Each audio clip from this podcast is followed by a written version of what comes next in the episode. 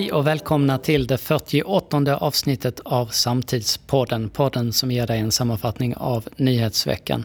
Jag heter Anders Milner och med mig har jag precis som vanligt Jasmin Aran Moder. Jag är här. Och vi är tillbaka efter tre veckors ja. uppehåll. Vad hände? Ja. Det hände så mycket. Det hände väldigt mycket men nu är vi tillbaka och kämpar oss mot 50-strecket. Yes. Det är val i Frankrike om några dagar. Har du följt detta? Ja, absolut. Har du sett någon debatt? Eh, nej, jag har inte sett någon debatt. Jag, men lite, man följer det med lite oro, känner jag. Ja, men stor oro. Mm. jag har inte ens förstått att det var, en, eh, att det var något att oroa sig för om jag hade, någon hade frågat mig för kanske fem, sex veckor sedan. Nej, men så är det nu. Vi hade ju en tv-debatt igår eh, kväll mellan eh, Macron och Le Pen som är idag de som står mot varandra i valet som bara är om några dagar. Och eh, det, det var lite svårt att utröna huruvida den ena eller den andra vann mm. riktigt. Ja, av, kommentarerna, av kommentarerna efteråt ja, okay. så, så eh, ja, Macron kanske lite grann men, men helt säker ska han nog inte känna sig.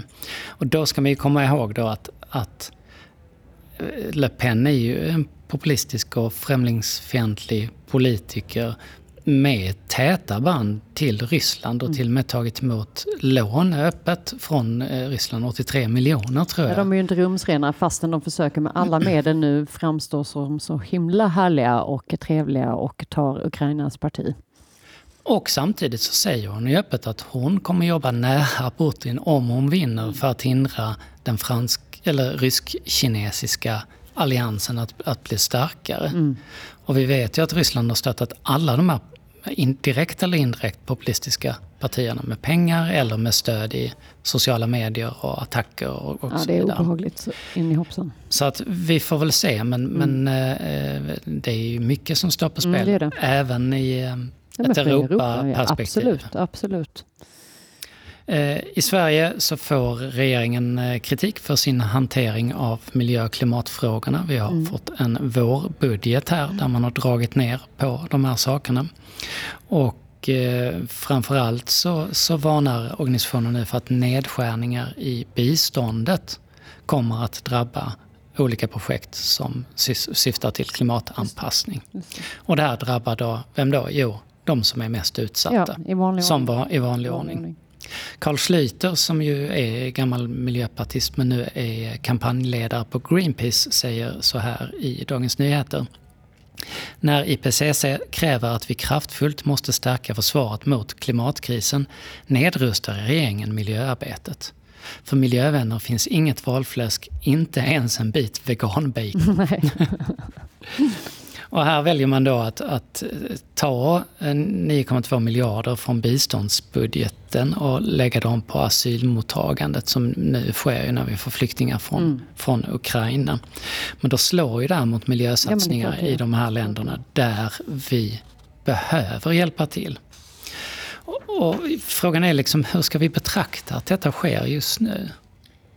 Ja, men dels så, så har vi ju återkommande eh, ursäkter eh, från att man, man faktiskt satsar på att, att mota den, det monster av klimathot som vi faktiskt ser. Det är väldigt tydligt. Det, problemet är med klimatet är att det är inte så tydligt som ett krig i Ukraina som vi ser liksom, slå sönder ett helt samhälle. Och då blir det så enkelt att liksom prioritera någonting som är här och nu på något sätt där vi liksom inte riktigt förstår att här och nu är också klimatkrisen. Och, och, om vi nu ska, om man nu lägger, tar från biståndspengen och lägger för asylmottagandet, då ska man ju vara helt medveten om att om vi inte parallellt jobbar med de här frågorna så kommer vi ha ännu fler på flykt, därför då måste de fly på grund av eh, väderomständigheter. Så den, vilka pengar ska vi då ta? Om vi då hade börjat förebygga och fortsatt att tänka två tankar i, eh, samtidigt och förebyggt så att faktiskt färre eller fler kan stanna kvar var de nu är, oavsett om det handlar om krig eller klimatpåverkan ja då hade ju pengarna räckt i, i det långa loppet. Jag tror vi skjuter oss jättemycket i Och det märkliga alla tycker jag är att det är ju ett valår. Hur kan det här inte på något sätt strategiskt vara någonting som är viktigt att driva och visa och peka att man pushar klimatfrågorna framåt?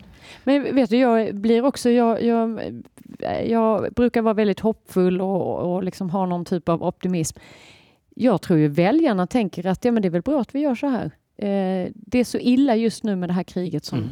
Eh, återigen, det är fruktansvärt. Det, ska vi liksom, det är ju ingen som inte tycker det. Eh, det som händer i Ukraina är liksom det, obegripligt och det är svårt att ta in. Eh, och jag hör ju folk som säger att ja, världen håller på att gå under, så varför ska vi ens sopsortera? Varför ska jag bry mig om klimatet? Jag behöver inte bry mig. Man lever nästan som att det är den det här är, inte ett, det här är ju inte argument för att vi, vi inte ska bry oss om klimatet. Och det här måste ni som lyssnar, eh, politiker, andra måste förstå att vi måste kunna jobba på båda fronterna samtidigt. Någonstans måste vi väl ha hoppet uppe att världen ska finnas kvar. Men om den ska finnas kvar så måste vi också jobba med klimatfrågan för att annars så kanske vi kan förhoppningsvis fått slut på det kriget och då ska man också säga att det finns ganska många fler krig som också skapar fullkomlig förödelse i, i länder som, som Syrien och eh, eh ja, många andra länder. Men det är också obegripligt om man tittar på journalistiken som, som tar upp det här. Jag läste ju precis citat från det, men det är ganska eh, rutinmässig och pliktskyldig rapportering. Det är inte på det här sättet. Det finns ju frågor, saker som politiken inte kan lägga fram för att man tänker sig att bakslaget i medierna kommer bli så stort mm. så vi mm. kan inte lägga fram detta. Nej. Men det här är en fråga, så, ja men då svarar man på frågor och sen går man vidare. Hur, hur kan vi ha en IPCC-rapport ena veckan som säger det är nu eller aldrig, en sån här budget nästa vecka. Mm.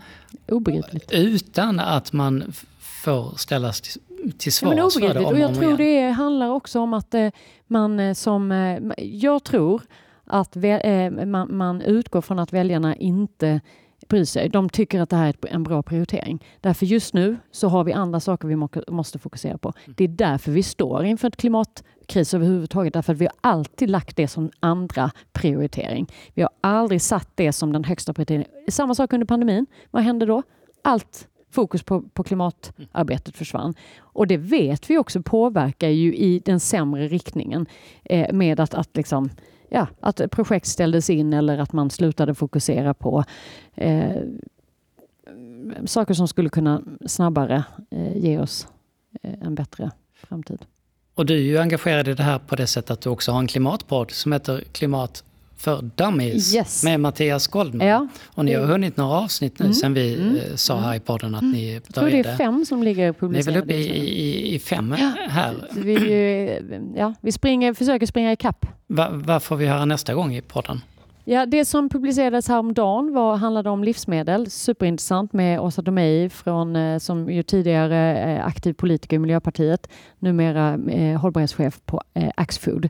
Eh, och är ju enligt vittnesmål så eh, lyssnar och lyssnade eh, alla partier på henne oavsett färg. För hon är så otroligt kunnig på det här området. Så det var väldigt spännande att ha med henne. Och alla programmen handlar ju egentligen om vad jag kan göra i vardagen som privatperson och att man eh, kan göra skillnad även om man tänker att men gör det någon skillnad om jag äter mm.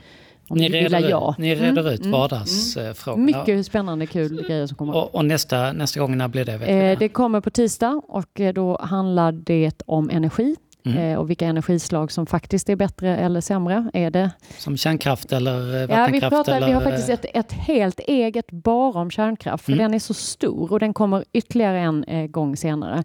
Men nästa är med fokus bara på liksom de källor vi har idag, sol, eh, vatten, eh, vind vad som egentligen är, är, bra investeringar och inte. Hur lång mm. tid tar det att, att faktiskt etablera en, en, en eh, vind, vindenergipark. Vilket märke hade du då runt 79-80? Eh, vad hade jag då? Jag hade ju den medelvägen. Vad var det för Linje 2? Tror jag, jag vet inte. Jag avvecklar med förnuft. Var det nog? Ja. Jag kommer inte ihåg. Jag, var, jag, ändå, jag hade ju en kompis som var otroligt aktiv. Jag måste ha gått i fyran, va? femman. Mm, mellanstadiet var, var ja. detta. Så, att, så man ja. var ju inte så, ja men då kanske jag gick i fyran då. Ja. Ja. Det var ju inte så att jag var hur insatt som helst. Va? Men jag vet att jag hade en kompis som var otroligt eh, eh aktiv redan då. Eh, så man hängde inte riktigt med, men man hade ju någon sån. Ja, jag, hade, jag hade den, den gula, gula. Då, atomkraft, nej, nej, tack. Det hade i stort sett ja. alla. Jag tror det var en kille i min klass som hade den här moderat ja, ja. linje 1. Ja. Det var till och med lärarna som hackade på honom. Men, men, så var det ju på den tiden. Så man kunde, man, man kunde hacka på en elev? Ja, om de var, var höger mm, kunde man ju mm, det. Mm. Ja, men det hade vi nog i vår klass. Lite... Och då hade ju Harrisburg precis inträffat. Ja. Det var ju svårt att ta den här mm, ja tack mm, mm. då. Mm. Nu är, är ju kanske läget annorlunda. Ändå roligt att jag hade avvecklat med förnuft. Ja men det, eller hur? en jävla brådmogen tioåring. Nu ska vi göra, nu får vi nog tänka här hur vi ska göra detta på riktigt. Och det var väl dessutom samma text som på någon annan fast med någon, någon liten... Eh, mm. Ja. Mm. Nej, det var, ja, Och sen följde man till det i alla fall. Nej. Men eh, eh, vi får väl se vad vi har för märke på oss efter er podd. Ja, men den är väldigt intressant. Det var o, eh, bara avslöjar jag redan att de är ju eh, redan förinspelade, så de kommer ju här portioneras ut. Och eh, kärnkraften, jag skulle säga så här, lyssna på det. Eh, det är, det, man kommer få sig väldigt mycket fakta till livs, hur man kan argumentera för eller emot för all ja. del. Men det är riktiga argument. Mm. Just nu är det ju kvasi-argument för de som är för har kvar sig. De, de håller mm. inte kan vi säga. Harrisburg håller inte så många. Nej, jag skulle, och jag skulle säga att mot håller inte heller. Nej. Utan vi måste prata om vad är den bästa, mest effektiva och mest eh, resurseffektiva elen. Vi lyssnar på detta, kommer på tisdag, Klimat for Dummies. Yes. Eller för dummies heter det till och med. Eh, vi är som ni vet 57 dagar in i Rysslands brutala krig mot Ukraina och situationen i Mariupol är ju fruktansvärd. Ryssarna säger idag, torsdag, att staden är tagen och stänger då in eh, 2000 människor ungefär i det här stålverket som man gissar eh, att de inte kommer att släppa upp helt enkelt, kan man väl anta. Jasmin, hur hanterar du känslorna kring detta? Ja, men, eh, ja, det pendlar skulle jag säga mellan eh, liksom allt från kan man göra någonting till eh, jag slutar läsa nyheter, vilket jag aldrig gör. Jag knarkar ju nyheter, men ibland så bara, nej men jag gör inte det. Det går liksom inte att ta in. Vi, du kommer ihåg ett av våra avsnitt här när vi pratade, det här var ju veckan innan invasionen, när du och jag satt och pratade mm. om hur man var under 80-talet. Mm. Jag fick lite den, min son reagerade lite på samma sätt häromdagen. Mm. Med den här rädslan för döden och vad som kommer hända och sådär. Um, ja, jag tycker den är, och lite sådär också att, jag menar vi har ju ändå, vi har ju gått igenom massa kriser rent om man, om man tittar utifrån ett näringslivsperspektiv eller vår verksamhet under pandemin. Mötesindustrin är ju inte helt enkel när man inte får ses liksom, om man säger så. Men det fanns saker man faktiskt kunde göra. Man kunde hitta vägar som ändå kändes som att vi gjorde någonting. Vi gjorde skillnad. Vi gjorde våra näringslivsupprop nu i någon känsla av att det ger oss kanske något, någon känsla av att vi gör någon skillnad. Mm. Jag tycker den är svår. Jag hittar inte riktigt vägarna fram och säga att ja, men det här gör vi. Samtidigt ska jag också bara säga jag måste bara, eh, att jag ser ju också att det händer också väldigt, väldigt mycket saker i andra delar av världen. Det var ju ett, ett terror, eh, en terrorattack mot en, en, skola i Afghanistan också i, i onsdags med pojkar som, som drabbades. Fruktansvärt. Det får ju inte tillsynen av nej. uppmärksamhet. Nej, nej. Eh, tillstymmelsen, vad det nu heter. Ja. Men det är svårt det där att, att, att vara överallt samtidigt, mm, alltså mm, i, mm. i sina tankar och, och, och sina känslor. Vad man kan konstatera mitt i det brutala är ju att Putin inte har lyckats med någonting som han föresatt sig från, från början. Jag följer en eh, professor vid Stanford och före detta ambassadör i, i Ryssland, amerikan, som heter Michael McFall, som eh, radade upp på Twitter att ja, men först så Putins tankar om att, att Ukraina inte är en riktig nation har ju funnits där från början. De är mer ryssar med dialekter i mm. hans syn och de mm. skulle införlivas då och det skulle bli, bli bra. Det gick ju helt fel. Ukrainas identitet har ju stärkts otroligt mycket yeah. av detta. Han försökte invadera hela Ukraina som en stat. Det Sådär. gick helt fel. Han försökte ta Kiev, det misslyckades. Han försökte ta andra större städer, det gick inte det heller. Det är väl bara Mariupol som ser mm. ut att mm falla och då motstånd ner till sista man där. Eh, han, eh, enligt sin egen retorik och demagogik, försökte avnazifiera Ukraina och installera en marionettregim. Det kommer ju inte att fungera. Och han lyckas dessutom stärka NATO till den graden att Finland nu är på god väg att gå med. Något annat kan man inte Nej, tolka nej. det som. Och en hel del talar ju för att Sverige också är Mm. på väg ditåt. Imorgon, fredag, sitter Socialdemokraternas partiledning i eh, ett maratonmöte om just NATO. Den 30 maj, det är inte så långt kvar, det är i typ tre veckor. Mm. Då ska den här rapporten vara klar som, som liksom reder ut alltihopa, samma som Finland har gjort som blev klar för en vecka sedan ungefär. 51 procent av svenskarna säger nu att vi är för NATO-medlemskap. Jasmin, har du tagit ställning? Ja, men det, den är ju intressant därför att eh, man kan ju onekligen förstå eh, varför den här eh, diskussionen går dit här och att vi börjar diskutera på allvar ett medlemskap och jag kan också förstå att det nu är 51 procent. Eh, alltså skulle, någon, liksom, skulle jag idag rösta för det så till skillnad kanske bara för en vecka sedan så kanske jag hade sagt ja. Jag tycker det är obehagligt att jag säger ja, förstår du.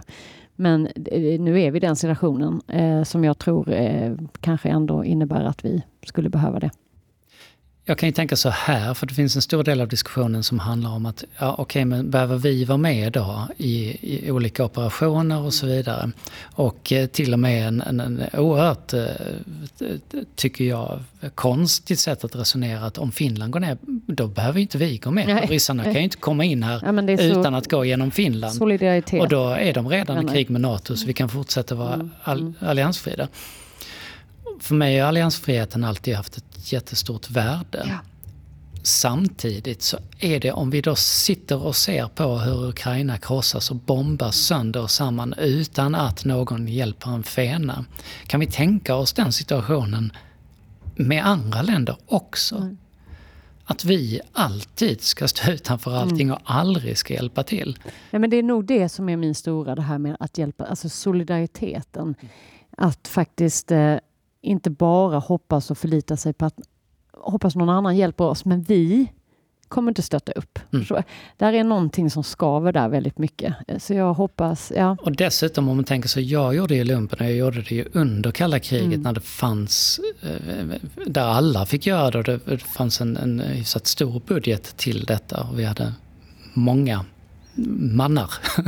hade vi ju ja, det då. hade vi. Ja. Få kvinnor, men många mannar Mm, mm. uppställda. Mm. Och vi hade ju ganska dålig utrustning. Vi, I mitt förråd hade jag ju saker från 50-talet. Man hade ju liksom Mm. Ja. sådär, där, där man skulle hämta sina saker sen om, om det Om blev något som krig. Mm. Och då tänker jag, ja, men hur är det nu då? Det finns ju inte en, och det visar ju alla att vi klarar inte av det här. Vi är ju decennier ifrån en, Mm, en, mm. en upprustning som gör att vi klarar vi av det. med Och någonstans får man väl vara lite verklighetsanknuten Ja, men lite också. så får man ju vara. Och, eh, det är ju inte så att hade det- här inte hänt så hade vi inte haft den här diskussionen, i alla fall inte på det sättet. Så allt, på tal om misslyckanden, att Mm. Putin ville verkligen inte att vi skulle gå med.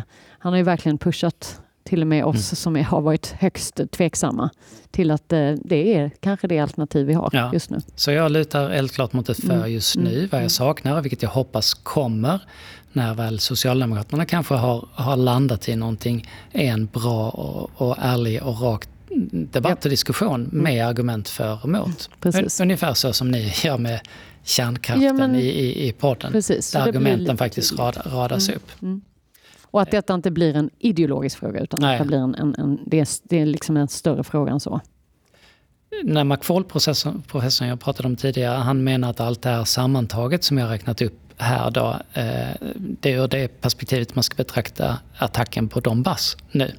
Att eh, det skulle kunna vara, eh, det är ett tecken på att man förlorat det här stora kriget som man, man satsade på i början. Men också att en rysk seger i Donbass ger honom då möjlighet att fortsätta att expandera och utveck- utveckla eh, kriget ytterligare igen. Och därför måste ju väst nu göra allt för att stötta Ukraina Ja. att försvara Donbass. Mm. Verkligen. En rolig nyhet i det här är ju eh, den här eller nyheten om eh, iPodsen. Jag vet inte om du har sett den? Nej. De eh, plundrar ju friskt eh, Mm. de ryska trupperna och eh, då är ju sådana saker som iPods och teknik Mm. är ju saker man gärna vill ha om man är soldat.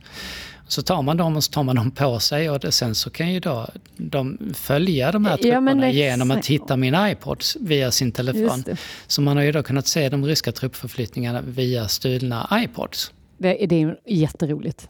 Är det inte det? I, i, samman, I sammanhanget. Det är ingenting som är roligt här, så, men om så man är ska det, ju, se det. är det ju faktiskt en, en Där har man inte tänkt nyhet. hela vägen.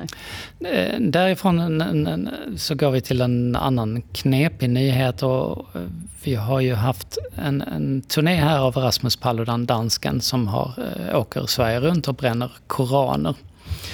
Och här följs det av en eh, fruktansvärd angrepp mot polisen och en hetsk diskussion.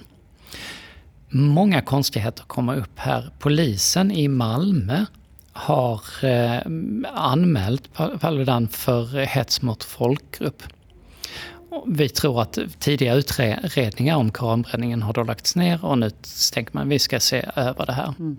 På Twitter skriver juristen Mårten Schultz, fast det här är ju inget brott. Nej. Polisen anmäler någonting man vet är lagligt för att få det prövat som ett brott. Det är inte okej.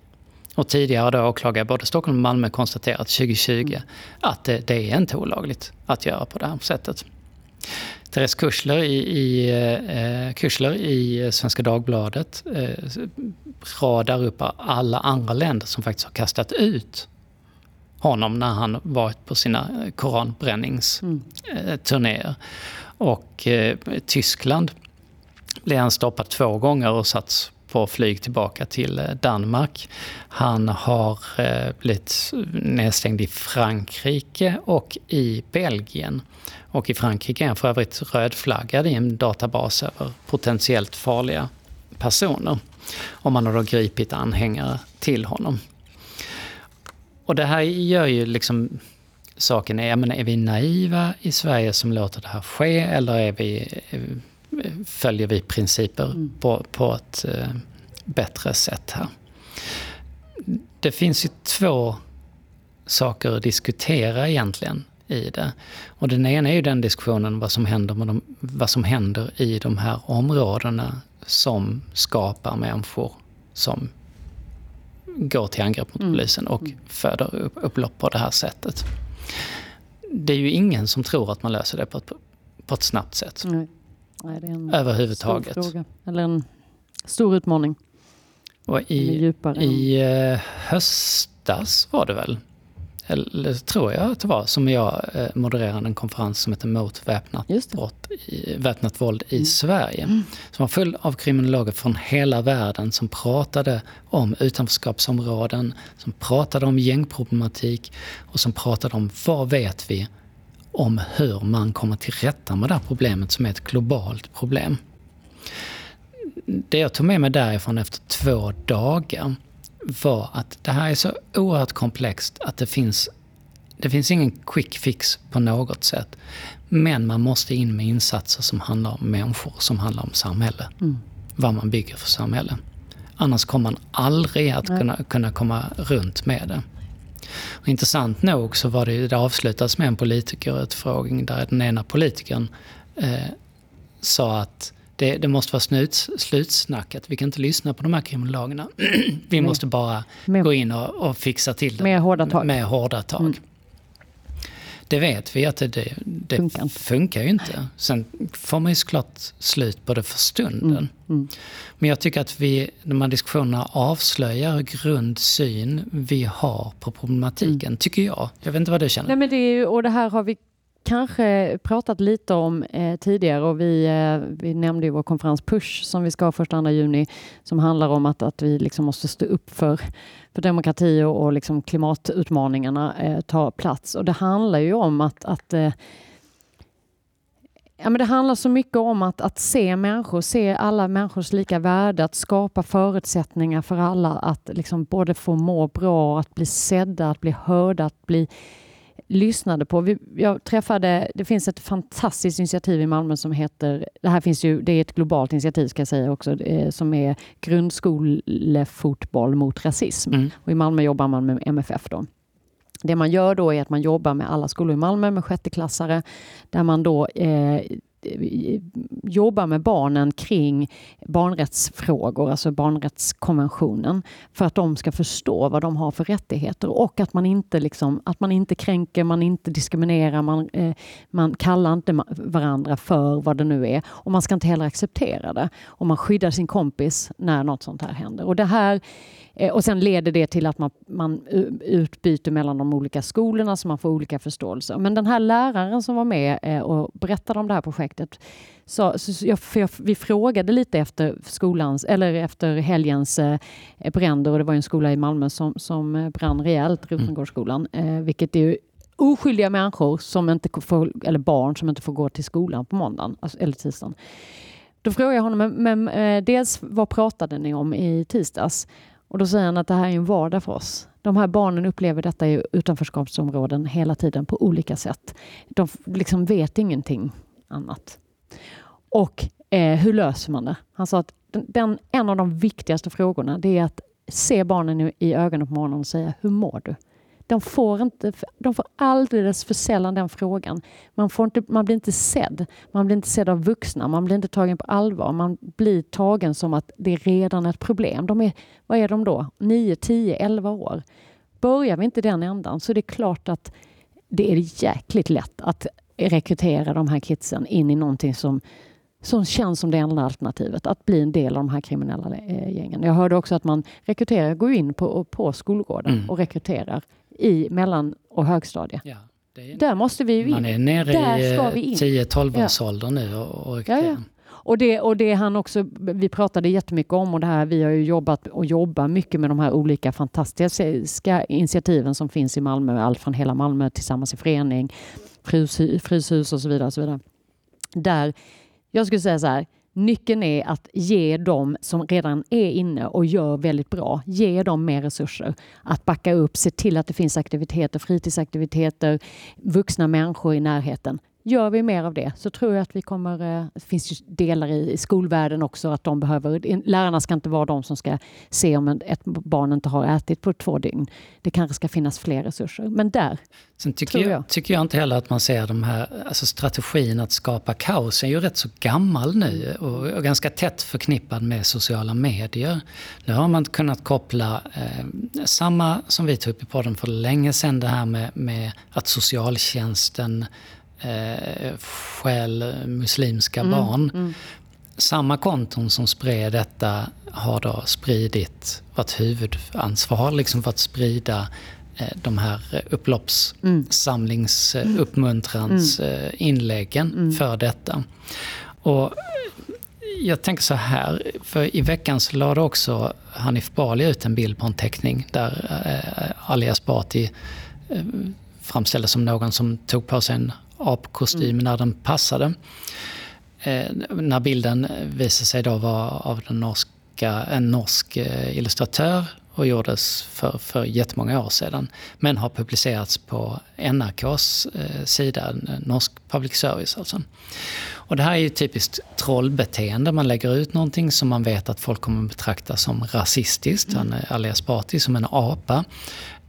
Och så väntar man på reaktionerna. Såklart, som det blir. Och sen kan man då mm. peka mm. på att, hallå, eh, Norsk Public Service har ju, har ju publicerat det här. Är de också rasister? Mm. Mm. Och vad handlar sen hela den här diskussionen om? Mm. Ja, det är jäkligt svårt att säga mm. vad den handlar om. Eh, handlar den om vad som är rasism? Handlar den om, om... Det är en debatt som är omöjlig att vinna för den handlar inte om Och den någonting. tar så mycket uppmärksamhet. Och det tar så mycket uppmärksamhet. Och det bara... Så så ser ju en debatt ut som får allting att kretsa kring sig själv. Men, men, men som inte, ja, det är ovärdigt. Men det handlar inte om det. Det enda det föder är ilska mm, mm. och eh, polarisering. Mm. Och uppmärksamhet. Och pajkastning. Så, ja. Vadå, fast eh, ni som kritiserar mig nu, ni har ju också lagt ut eh, jättehemska bilder. Det försvarar inte och det, någonting. Ja, men det är sån där luften är friviftande. Ja, ja, ja, så. Och vad ser vi? Vad gör Paolo? Han gör ju exakt mm, likadant. Mm, det är ju samma, samma beteende. Mm, mm. Och, eh. Problemet är någonstans att samtiden inte kan låta bli att reagera på det. För de, liksom, troll dör i tystnad. Mm. Och det är därför trollen tystnar när det händer stora Det hände under pandemin, det hände under Ukraina-krigets början. Och intressant nog ser vi precis samma tidsfrist. Mm. Så ja men det tar ungefär de här 60 dagarna. Mm, och sen? Och sen det. så kommer man mm, tillbaka mm, igen. Och så blir det pajkast. Och sen så. Och jag är så besviken på politiker på Twitter som inte klarar av att sluta med det här mm. beteendet. Mm. För vi ser det riksdagsledamöter, vi ser, vi ser ministrar, vi ser ledarskribenter. Alla dras in i det för att de söker den bekräftelsen som uppmärksamheten Och det som är mest dem. Eh, sorgligt i det här eh, är Tänk om all den tiden hade lagts på att diskutera de här lösningarna. Om vi pratar tillbaka till skola ja. eller förebyggande eller så. Om ni hade tagit 20 procent av all den tiden ni mm. håller på att bråka om någonting som vi inte ens vet. Vad, vem, vad var det nu som var liksom, problemet här? Och lagt den tiden på att faktiskt titta på lösningar eller skapa dröm. Vi pratade innan mm. om, om kan, hur kan vi vända på att inte alltid bara problematisera allting utan skapa drömmar och möjligheter för Eh, barn, unga i utanförskap eller för all del alla. Eh, nej, då ska vi lägga tid på detta som Alltså, jag menar, vi har ju själva barn. Jag, mina barn när de var i tioårsåldern höll inte ens på så här. Man gör inte så här. Skärp er! Och någonstans så måste det ju liksom ta slut. Vad leder då detta här? Jag är intressant nog kommer från USA. Den fullständigt bisarra nyheten mm. om Dark MAGA, eh, Make America Great Again, som var Trumps slogan. Mm. Och nu eh, i det här, eh, inget är på riktigt, allt är ett skämt som också är vår kultur, mm. som är vår mm. politiska kultur, så har man tagit Trump, tweakat honom till den här onda mörka kejsaren som han egentligen är, fast ännu värre. Eh, lägger upp bilder på honom, det ser ut ungefär som den onde kejsaren i Star Wars, eh, hashtag Dark Maga. Och det här börjar då få en, en riktig effekt, för folk gillar att sprida det här så mycket. Mm. Och vad man ser då det är att de här grupperna som skingrades lite, de samlades under Trump men har skingrats lite som, som är eh, de här vita hatgrupperna eh, som är ganska stora i USA. Eh, vaccinmotståndarna, alla de där kan liksom enas under det här. På som egentligen lite... är väldigt olika men de enas just. Mm. Och eh, liksom neonazister och andra, de kan då komma in under det här. Det är roligt, det är spännande, det är kittlande. Och eh, Trump har inte reagerat på det hittills, men det är inte så långt ifrån att tänka sig att, att det här skulle liksom kunna inlämnas i mm. den vanliga rörelsen av vanliga debatten. Kejsaren som har blivit undanskuffad men nu som kommer med den obönhörliga revanschen mm. och inte kommer vika undan den här gången. Man får ju hoppas att, eh, att det finns någon, någon eh, sens, eller någon, något vett där också. Att majoriteten då ser att det här är ju, nu får vi sluta mm. hålla på sånt här. Närbesläktat så kommer Moa Berglöf ut med en, eh, en, bok som heter Landsförrädare som handlar om hennes tid i Moderaterna. Eh, och eh, hon skrev väl, tror jag, Öppna eh, era hjärtan-talet Ja, som, som han mm. höll. Mm. Möjligt att det är fel, men jag, jag, jag har för mig detta. Hon ledarskribent på Sydsvenskan numera. Eh, jag har inte läst den, Nej, men det ska bli spännande mm. att mm. kika in den. Hon säger så här i en intervju i Dagens Nyheter att flera av dem jag jobbade med sitter kvar. Kanske borde jag sett något redan då, att de inte alls höll med. Hur kan ni plötsligt tycka så här? Var det bara ett jobb för er? Var det bara makten för mm. Mm. till varje pris. Mm. Och den är också intressant, vad, vilken politik som drivs mm. när partier svänger om väldigt kraftigt.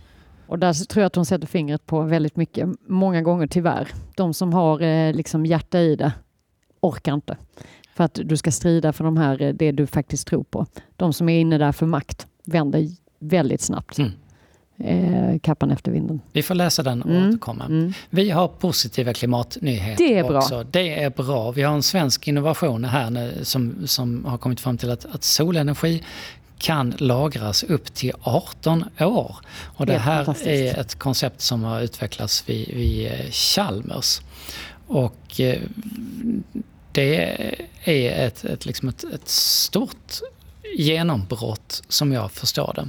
Och ja, det, ju, det kan, kan ju göra all skillnad. Och kan, göra, ja, precis. Och kan göra väldigt stor... Mm. Jag har inte koll på hur, eh, var det är i processen Nej, någonstans. Det Men det kom i, tidigt. Men, i, eh, i förra veckan och att det här kan bli en viktig del i Mm. våra framtida energisystem. Ja, så för det är ju det. Kan detta liksom skalas upp och bli på riktigt, ja men då, då kommer vi ju till slut inte ha några kostnader för energi. Eh, All sol vi kan samla upp i öknen i Sahara, bara det kan ju liksom ge energi till resten av världen. Så glöm inte det, det händer mycket. Mm. Det händer Mm. väldigt mycket positivt också och heja er på Chalmers. Ja, Det är idag fredagen, nej det är den torsdagen. mm, det är det. Den 21 april är det. Ja. Idag. Och idag, eh, 753 före Kristus, vad hände då? Jag var inte med. Du sa ju att du läste nyheter jätteofta. Ja, nej, men nu har jag tagit en liten lucka för att jag bara blev så ledsen. Enligt legenden så grund, grundas Rom i den här dagen Ja, av Romulus. såklart. Det borde jag som gammal... eh, Och staden får ju sitt namn av Romulus som då blir den första kungen här. 1918 idag så eh, skjuts den röde baronen ner flygesset i eh, första världskriget. Och sen så är det en som tar åt sig äran att ha skjutit ner men det var inte han egentligen. Längre historia. Och 1967 idag så är det statskupp i Grekland och den kommer att vara ända fram till sommaren 1974. då Oj, den Oj, störtas. så länge. Ja. Det var så länge. Hörni, det var allt för oss från Altitude Meetings och vår samtidspodd. Eh, vill ni veta mer vad vi eh, gör i eh, vår vardag, förutom att spela in poddar, så kan ni gå in på vår sajt altitudemeetings.se. Missa inte för all del Push Summit som vi då kör första och andra juni skulle jag varmt rekommendera. Vi är inte alls jäviga i detta, men vi tycker att alla borde komma och lyssna på detta. Det ger ett verktyg för att göra världen lite, lite bättre framåt. Så tack för idag.